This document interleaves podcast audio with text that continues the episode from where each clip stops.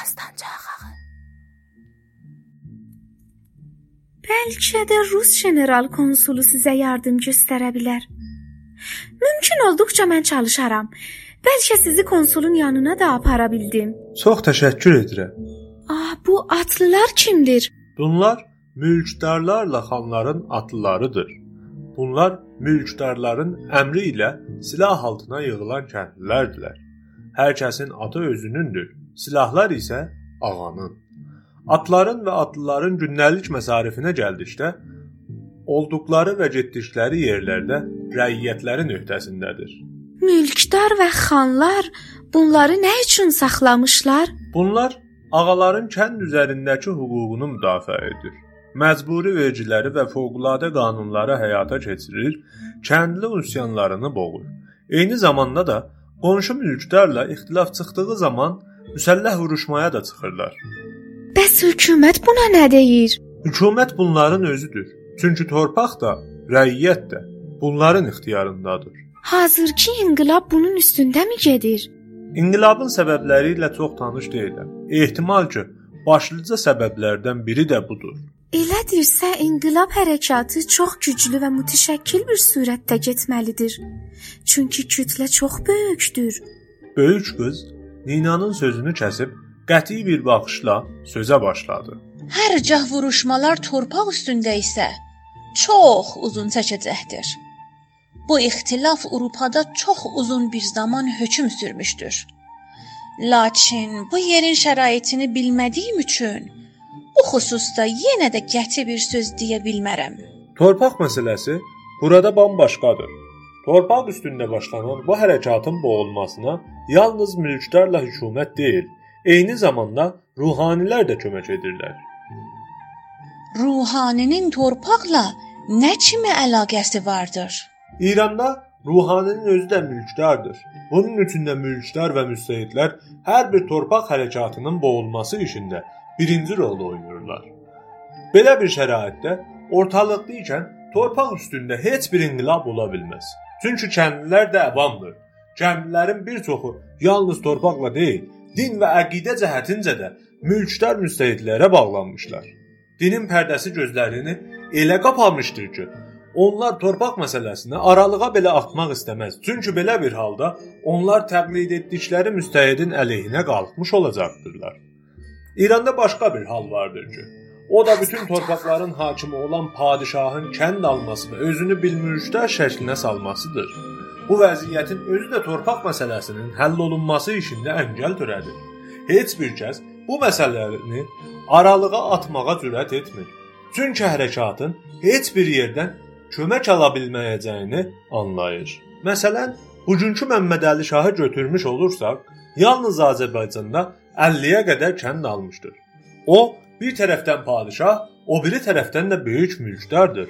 Bunun üçün də İranda başlanacaq üsyanlara və torpaq üstündə çıxacaq hər bir hərəkata qarşı güclü bir qüvvə qoyulur.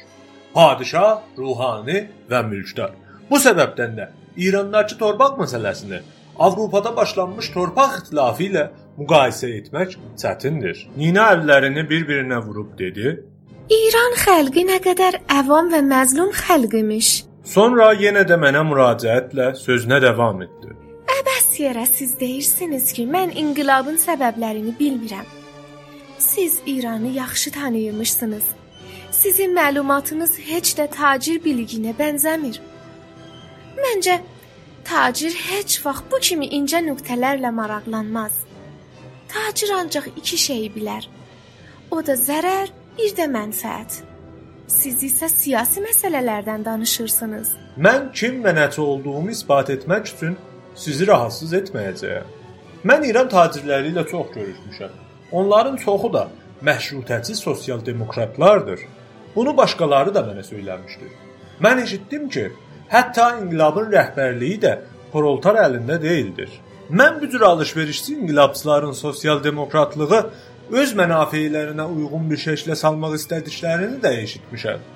Əlbəttə, bu kimiləri torpaq inqilabı baş verdiyi zaman İran kəndlisini həm atar, üstəlik sata da bilər. Əcəba, həqiqi inqilabçılar nə işə məşğuldur? Deyə bilmirəm. onların içərisində olmamışam. Mən ancaq bunu deməliyəm ki, bu inqilaba yalnız sosial demokratlar deyil, onlarla heç bir əlaqəsi olmayan ünsürlər də qoşulmuşdur. Nə üçün? Əcəba bunları həqiqi sosial demokratlar nə üçün öz sıralarına buraxır? İnqilabçıların məncə bu cür işləri araşdırmağa vaxtı ola bilməz.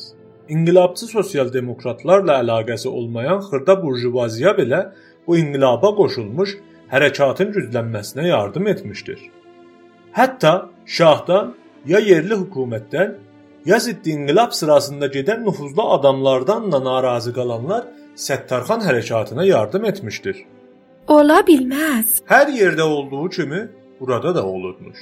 Məsələn, mən belə bir şey eşitdim. İndi icazə varsa eşitdiklərimdən birini deyim. İndiki padişah biraz əvvəl Təbrizdə vəliəhd olduğu zaman Mirmənaf adlı məşhur bir sərrafın kiçik oğlunu apartdırıb namusuna toxunmuşdu. Mirmənaf böyük tayfalı bir adamdır. Bunlar Məmməd Əlidən intiqam almaq üçün əlverişli bir vaxtı gözləyirdilər. Nəhayət o vaxt yetişdi. Kütlələr Məmməd Əliyə qarşı üsyan qaldırdılar. Mirmənaf da öz tayfası ilə bərabər bu hərəkətə qoşuldu. Doğrusu, mən bu məsələ ilə çox maraqlanıram. Təbrizə getsəm, bunu lazımi qədər öyrənməyə çalışacağam.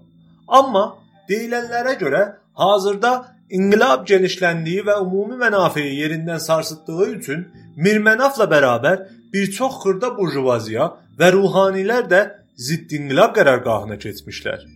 Burasını da Təbrizdə öyrənməliyik. Hər halda mən indi bilirəm ki, bu inqilab çox maraqlı bir şeydir.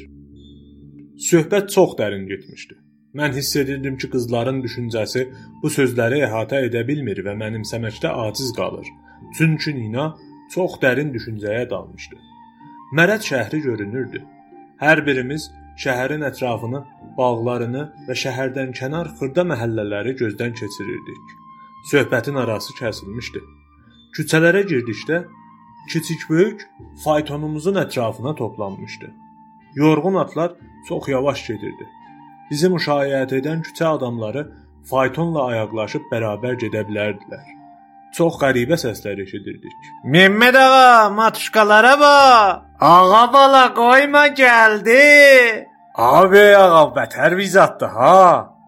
Məmməd ağa, əsl mən deyəndir. Bu cür səslərdən çox eşidirdik.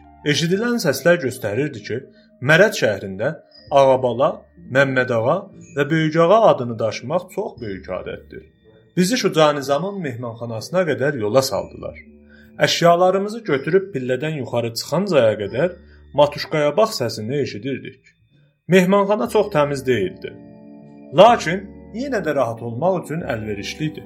İki otaq götürdük. Şam etmək və çay içmək üçün qızlar da mənim otağımda idilər. Samavar qaynaya-qaynaya gətirildi.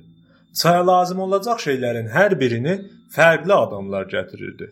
Şeyləri gətirənlərin hər biri müəyyən bir söz soruşmamış geri qayıtmırdı. Örtülü istintaq bitəndən sonra biz çay içməyə başladıq. Fəqət yenə də qapını açıb örtənlər vardı. Bunların hamısı Mərənd valisi Şucanizamın xəfiyyələri idilər. Təbrizə nə kimi adamlar getdiyini öyrənməyə çalışırdılar. Çaydan və yeməkdən sonra Mədarikləri də yoxlamağa gəldilər. Qabaqca qızlar öz mədariklərini verdilər. Mədarik yığanlar oxuya bilmirdi. Oxumaq üçün mənə təklif etdilər. Oxudum. Rus konsulxanasına getdiklərini söylədim. Ehtiram etdilər. Başlarını əyib əfv edin deyə bayıra çıxdılar. Mənim mədarikimi soruşmadıkları kimi daha qapını da tez-tez açıb baxmaqdan vaz keçdilər. Səhər tezdən qalxıb yola düşmək lazım idi. Axşam yeməyini saat 10-da bitirib Yatmağa hazırlaşdı. Qızların otağı möhkəmdir. Mənim otağımla yan-yana idi. Qorxmurdular. Qapını içəridən bağlayıb yatdılar. Otaqların kirayəsini və yemək xərcini axşamdan verib otağımıza qapandıq. İnqilab məntəqəsində. Mərəd şəhəri ilə Təbriz arasındakı yolun şəkli büsbütün başqa idi.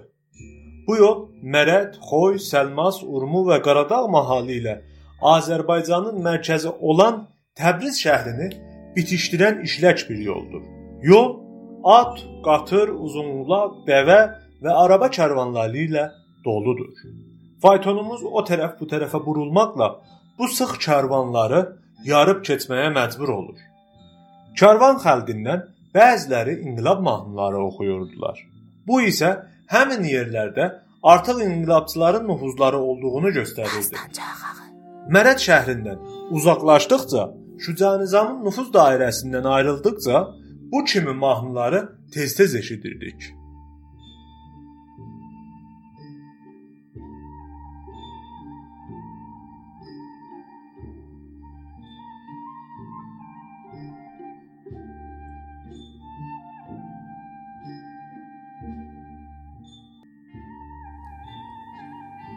Kitabın adı Dumanlı Təbriz. Yazar Məhəmməd Səid Ordubadi. Hazırlayan Nurullah Purşərif. Bu bölümdə səsləndirdilər: Ravi Siyavəş Tufarqanlı, Nina Saray Tahiri, İrayda Elnarə. Düzənləyən Səccad Müslimi. Bizim axağa qatılmaqla işimizin ardını tutmaqda bizə dəstək olun. Axağımızın adresi Dastanca. D A S T A N C A